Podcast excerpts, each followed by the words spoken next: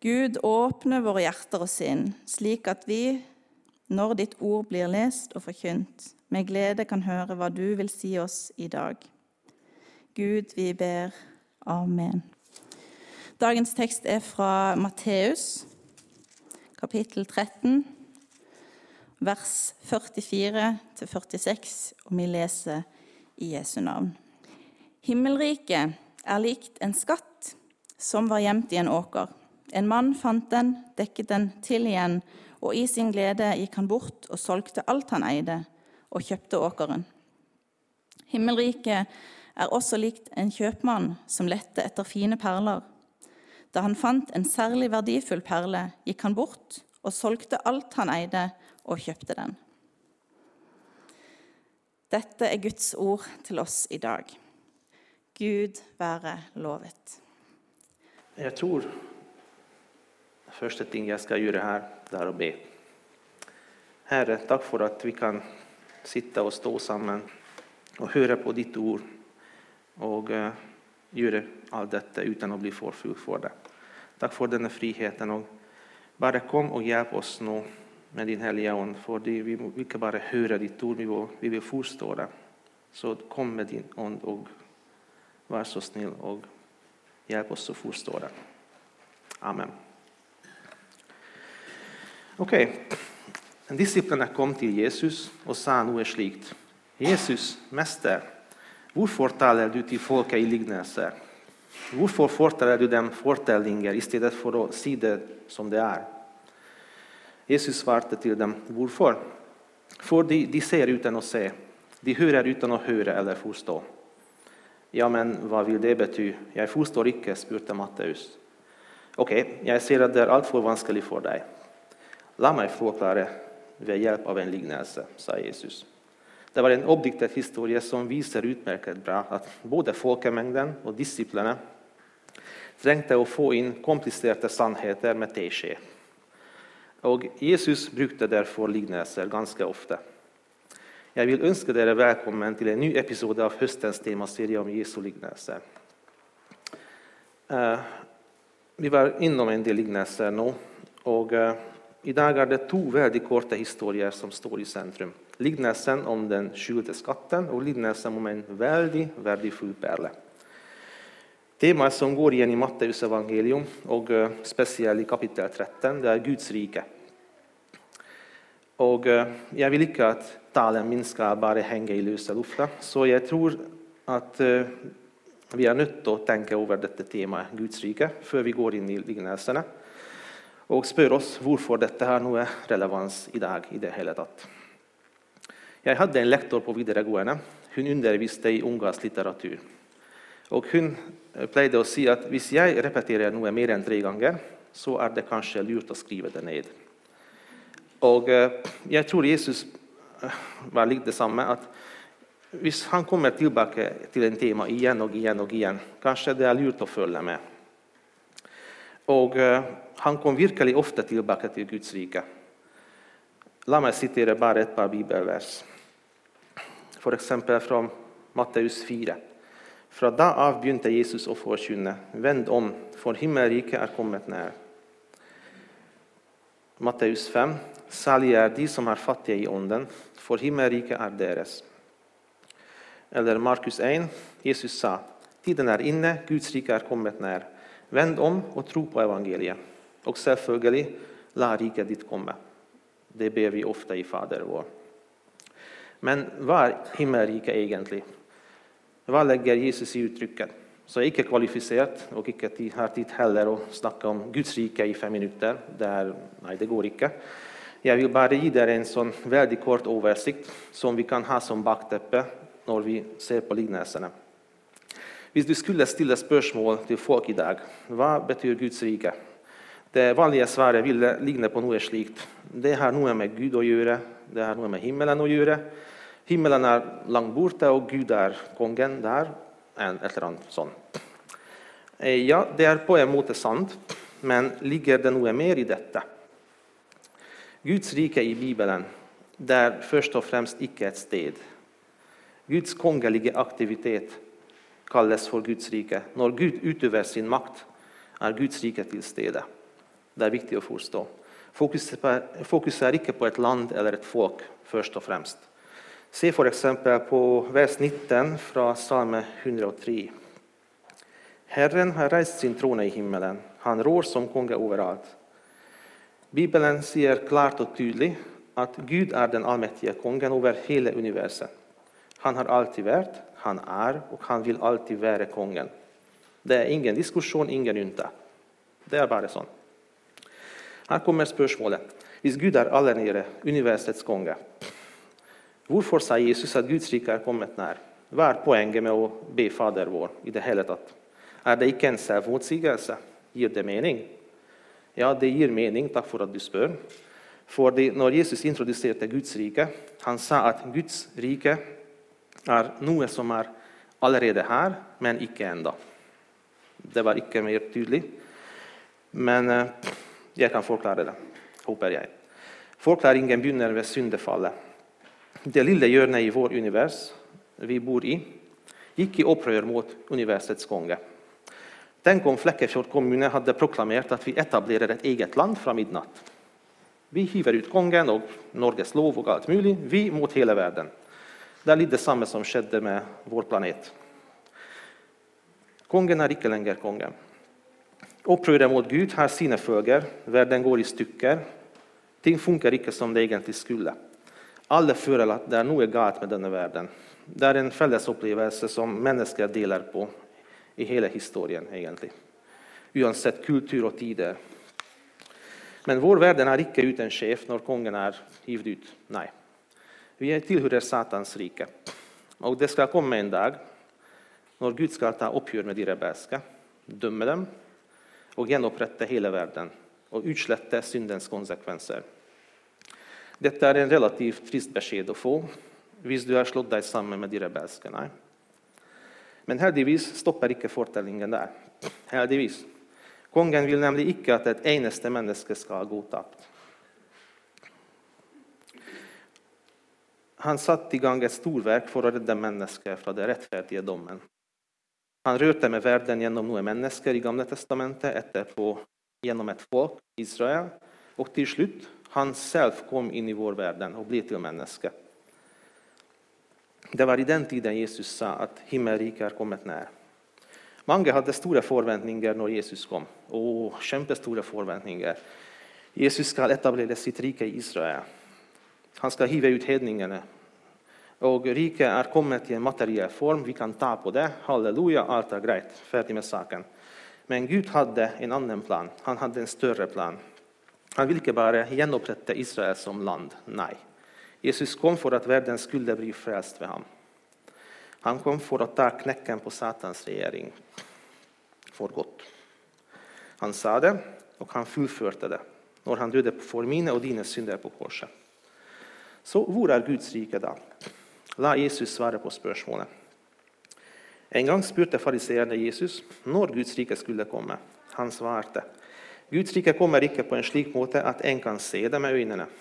Ingen vil kunne si 'se, her er det', eller 'der er det', for Guds rike er midt iblant dere. Himmelriket i dag består av mennesker som lever blant de rebelske, men ikke lenger tilhører de rebelske. Dette er mennesker som ved Guds hjelp fikk øye på deres synd og erkjente det. De har fått deres synd tilgitt, og de bøyde kne foran Jesus som deres konge. En så radikal forandring at Jesus kaller det for en ny Jag Jeg er del av denne gjengen, sammen med mange som sitter her i dag eller hører på dette senere. Vi er statsborgere i Guds rike. Fordi Gud har frelst oss, og han er kongen i våre liv. Men siste gang jeg sjekket, vi lever fortsatt i Norge og ikke i himmelen. Er vi perfekte? Nei. Bare se på meg. Er vi bedre mennesker enn andre rundt oss? Nei, ikke nødvendigvis. Lever vi et liv uten smerte og sorg? Nei, ikke i det hele tatt. En god venn av meg som er kristen, hun sa til meg denne uken jeg har det bra, jeg opplever fantastiske ting, men jeg bærer på tunge ting hver dag. Og det viktigaste är att jag bärer dem icke alene. Det att tillhöra Guds rike ger en enorm glädje och krafter till att bära tunga tyngd. Gud som tog bolig i oss kristna virkar genom sitt folk. Guds rike är i oss, och vi tar med Guds rike på arbetsplatsen, till skolan och sånt. Vi är Guds ambassadörer. Guds rike är mäktig, det är tillstede, det är levande och fantastiskt. En enorm skatt, gitt av nåde helt ufortjent. Detta är goda nyheter, folkens. Och det är icke allt, det är mer. Vi kristna har ett speciellt hopp för framtiden. Vi väntar på att Jesus ska komma igen. Han har snackat om det väldigt, väldigt tydligt. Gud ska då fullföra sitt verk ved å først fornye Israel, og etterpå fornye og rense hele universet. Det er kule ting i vente for oss som tilhører kongen. Det beste er ennå ikke kommet. Derfor er det slik at Guds rike er allerede her, men ikke enda kommet i sin fullkommenhet. Vi lever i en periode, i en midlertidig periode, i en forventning. Så dere ser at evangeliet om Guds rike er virkelig gode nyheter. Nå er det kanskje tiden inne å snakke om lignelsene, for dette var en lang innledning, men det var nødvendig. Dagens to korte historier løper ganske likt.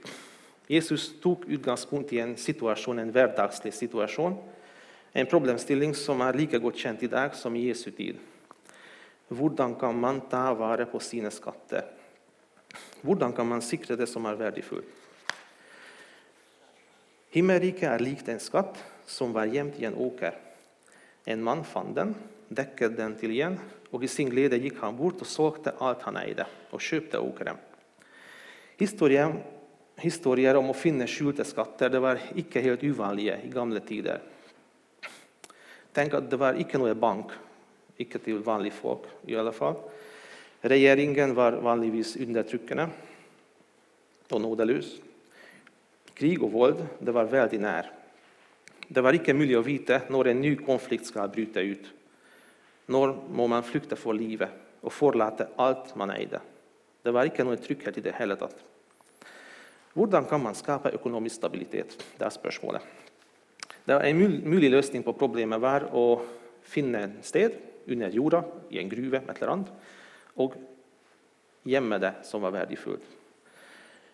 Det var en grei løsning, men det hadde en viss risiko i seg. For hvis man døde plutselig, forble skatten liggende under jorden.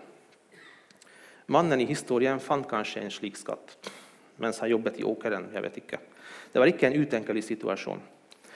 Fra vårt perspektiv, sett fra 2021, eh, dette ser noe litt merkelig ut. For burde han ikke gå til eieren, han som eide åkeren? Det var jo eieren som hadde krav på skatten. Nei, Nei, egentlig ikke. Loven som gjaldt Israel i den tiden, heter den rabbinske loven. Og Det står i den rabbinske loven at den som fant skatten, hadde krav på skatten. Punktum. Eh, mannen kunde gravt upp skatten, tagit den med hem och sov med god samvittighet hela livet. Juda var, Israel var samtidigt, en del av Romerriket. Och Den romerska rätten var lite mer tokig i slika saker när det gäller pengar. Därför var det logiskt för dem som hörde på Jesus, att mannen gick och köpte åkaren först, bara för säkerhets skull. Jag kan se föran mig att dessa folk som står runt Jesus, de bara nickar. Ja, sånn funkar det. La meg flytte lignelsen over til Norge. Okay? Tenk at mannen i historien heter Per. Per han er fra bygda. Alle kjenner Per. Han plutselig dukker opp foran huset til naboen Ole banker på døra og spør prisen på en åker. Jeg kan nesten høre at folk begynner å snakke på bygda. Nei, du, har du hørt at Per solgte huset og bilen for å kunne, kunde köpa åkaren Ola har arvet från mora si? Jag har aldrig sett Per och vara så, så, så spänd. Märkelig, har han blivit gal? Jag pleide att gå över den åkaren i tio år, på väg och hem från jobb. Det är ingenting i den åkaren. Jag ser icke något där, bara sten och ugräs. Vad skedde med denne mannen? Jo, uppförseln till Per talar ganska tydligt. Mannen er blitt annerledes etter at han oppdaget den skjulte skatten. Han köpte åkeren och brydde sig inte om att det kostet han allt. Jag vill göra dig uppmärksam på två märkvärdiga ting om Guds rike. Det första. Guds rike är skjult. Det, man finner det inte på överflaten. Man kan förbi, gå förbi det i årevis, fram och tillbaka, utan att få öja på Guds rike. Gud skjuler ofta det värdefulla bak det vanliga. Bara tänk på Jesus, personen till Jesus. Jesus var inte en sån typisk superhjältefigur i det hela. tatt. Många gick förbi honom utan att se Messias. De såg bara en snäckare för långt bort i stan. Det var inte något intressant. Eller tänk på nyckeln till Guds rike, evangeliet om. Historien om en jude som dödade på ett kors och gjorde upp för dina och mina synder. Eh, det är som kjedelig ting för många. Det høres ganske kjedelig ut. Mange går forbi evangeliet i årevis uten å virkelig sette blikket på det. Mens andre snubler over det liksom tilfeldig og får tak i det. Paulus, apostelen Paulus sier et sted at ordet om korset er dårskap for dem som går fortapt. Men for oss som blir frelst, er det Guds kraft. Gud skjuler fantastiske skatter bak det vanlige. Det er bare sånn. Jeg vil ikke late som om jeg skjønner hvorfor han er slik. Jeg vet ikke, men han er slik. Og for det andre det er glede i Guds rike. Masse glede. Vi leste at i sin glede gikk han og solgte alt han eide. Hvorfor var han så glad? De gode nyhetene om frigjørelsen forandrer et menneske. De blir født på ny. Evangeliet har en ekstrem frigjørende kraft, en enorm glede i seg. Når du får høre at det fins tilgivelse, at det er mulig å gjøre opp for feiler, for fortidens feiler du gjorde, og ikke bare det, men universets konge ønsker deg velkommen i sitt rike, det skaper liv, det skaper glede. Og det kan ikke sammenlignes med noe annet. Guds rike løfter opp, helbreder og skaper glede. Gir mennesket en enestående verdi. Selvfølgelig skal man etterpå gå og rydde opp i prioriteringene sine. Det er en respons på evangeliet. Man gleder seg til andre ting enn før. Ja, det er bare sånn. Man skal holde seg vekke fra ting Gud hater. Det er en kamp, men det er en gledefull kamp. Det er glede i Guds rike. Det ligger en ganske tung budskap i den lignelsen. Det var tungt når jeg leste det. Og Det gjelder først og fremst meg, men det gjelder også oss som menighet. Erfaringen visar att evangeliet om frälsningen ikke er så veldig populær i Norge. Jeg tror det er en helt korrekt observasjon.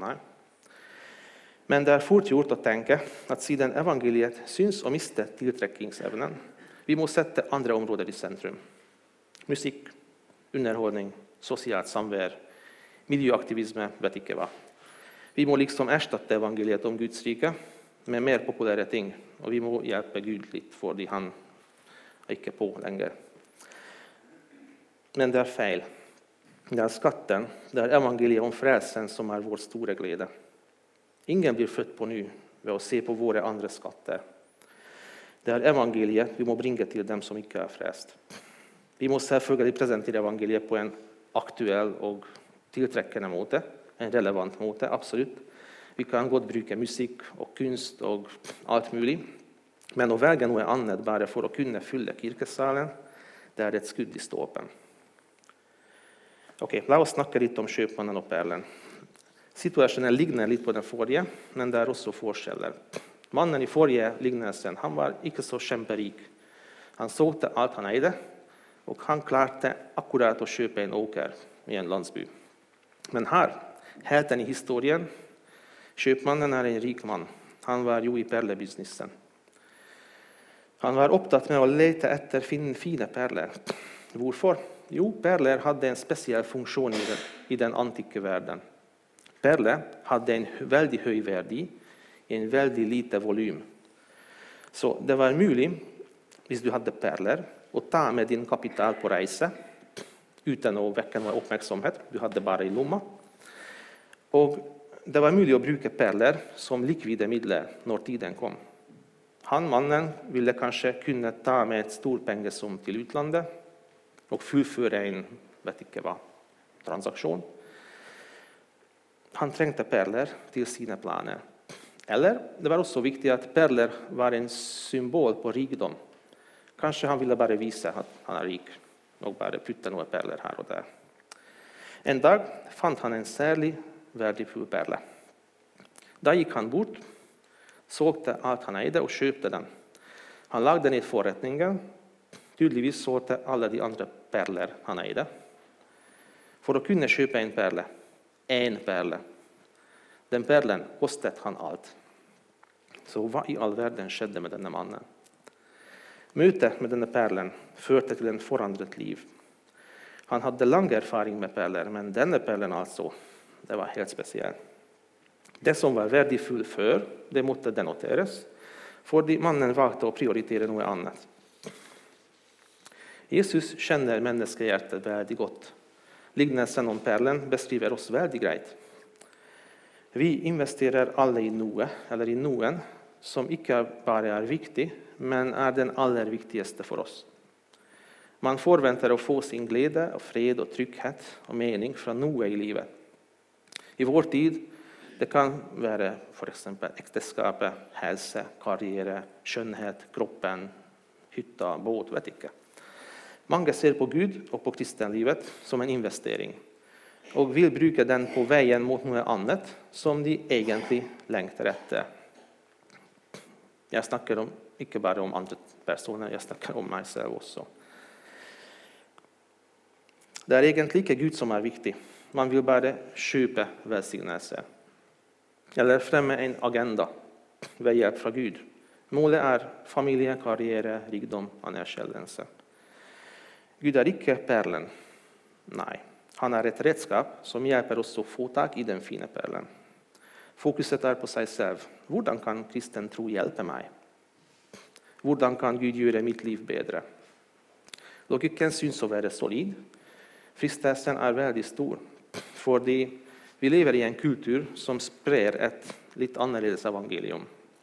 Og det høres sånn ut. Følg ditt hjerte. Gjør det som føles godt. Du velger dine perler selv. Reklamene på TV, Instagram-stjerner, din favorittserie på Netflix, din favorittlåt på Spotify presser det hele dagen. Du selv er din perle det er helt ok å bruke Gud till att få lite mer kraft på vägen, men han är bara ett supplement. Han är ikke sentrum. Du ser, Jesus och dagens kultur kan icke samtidigt vara riktiga. En av dem är fel. Enten ligger det högsta värdet i dig och i dina födelser, eller så ligger det i Gud. Jesus var benhård när han sa, 'Dersom dere älskar mig håller dere mina bud'. Det är du som ska underordna dig Guds ledelse. Det är mig som ska underordna mig Guds ledelse. Visst, jag vill kalla mig kristen. Det är icke Gud som är här till att tjäna oss. Men pärlorna i kulturen, pärlorna i denna världen, syns och håller en högre värld i än Guds rike. Man finner ju mer farge, mer göj och man finner mer trygghet hvis man bara följer strömmen och ser aldrig djupare än överflaten. Aldrig se under överflaten. Men varför gå djupare? Vad kan ge oss drivkraften till att välja Gud? Det syns att vara ganska omöjligt. Skönheten i Guds rike väcker upp något i oss. Jag sa i inledningen att Gud satte i ett stort verk för att rädda oss från fortapelsen. Det är världens vackraste nyhet. Universets konge var villig att gå till döden för att vi ska kunna leva och bli virkelig fri. Paulus skriver om Jesus i Filipperbrevet att Jesus var i Guds skickelse och såg det icke som ett rov och vare Gud lik, men gav avkall på sitt eget. tog på sig tjänarskickelse och blev människa lik. Då han stod fram som människa, fornedret han sig själv och blev lydig till döden, Ja, döden på korset. Jesus gav avkall på sina skatter, på sina pärlor, Så du och jag kan få del i Guds rike, få del i skatten. När detta synker in i ett människa, Jesus blir värdefull, och ett nytt liv begynner. Skatten och pärlen kostar allt man eide för, men det är värda. det. Hvis du opplevde allerede hva skatten betyr, Du kan bare juble og danse og alt, fordi du har den mest verdifulle ting i hele verden. Hvis du sitter her og fikk øye på evangeliet, kanskje første gang, du kan bare komme og ta imot skatten. Og hvis du er en kristen, og du innser at du tjener egentlig ikke Gud, men du tjener din egen agenda Du bruker Gud. Hør, det er synd å fornærme Gud med dette. Og det er gode nyheter her at du kan komme og gjøre opp din sak i dag. Hos Gud finner du tilgivelse og frihet. Du finner en ny start i ham. Jesus sa, om noen vil følge etter meg, må han fornekte seg selv og ta sitt kors opp og følge meg. For den som vil berge sitt liv, skal miste det. Men den som mister sitt liv for min skyld, skal finne det. Den som mister sitt liv för Jesus skull ska finna det. Amen.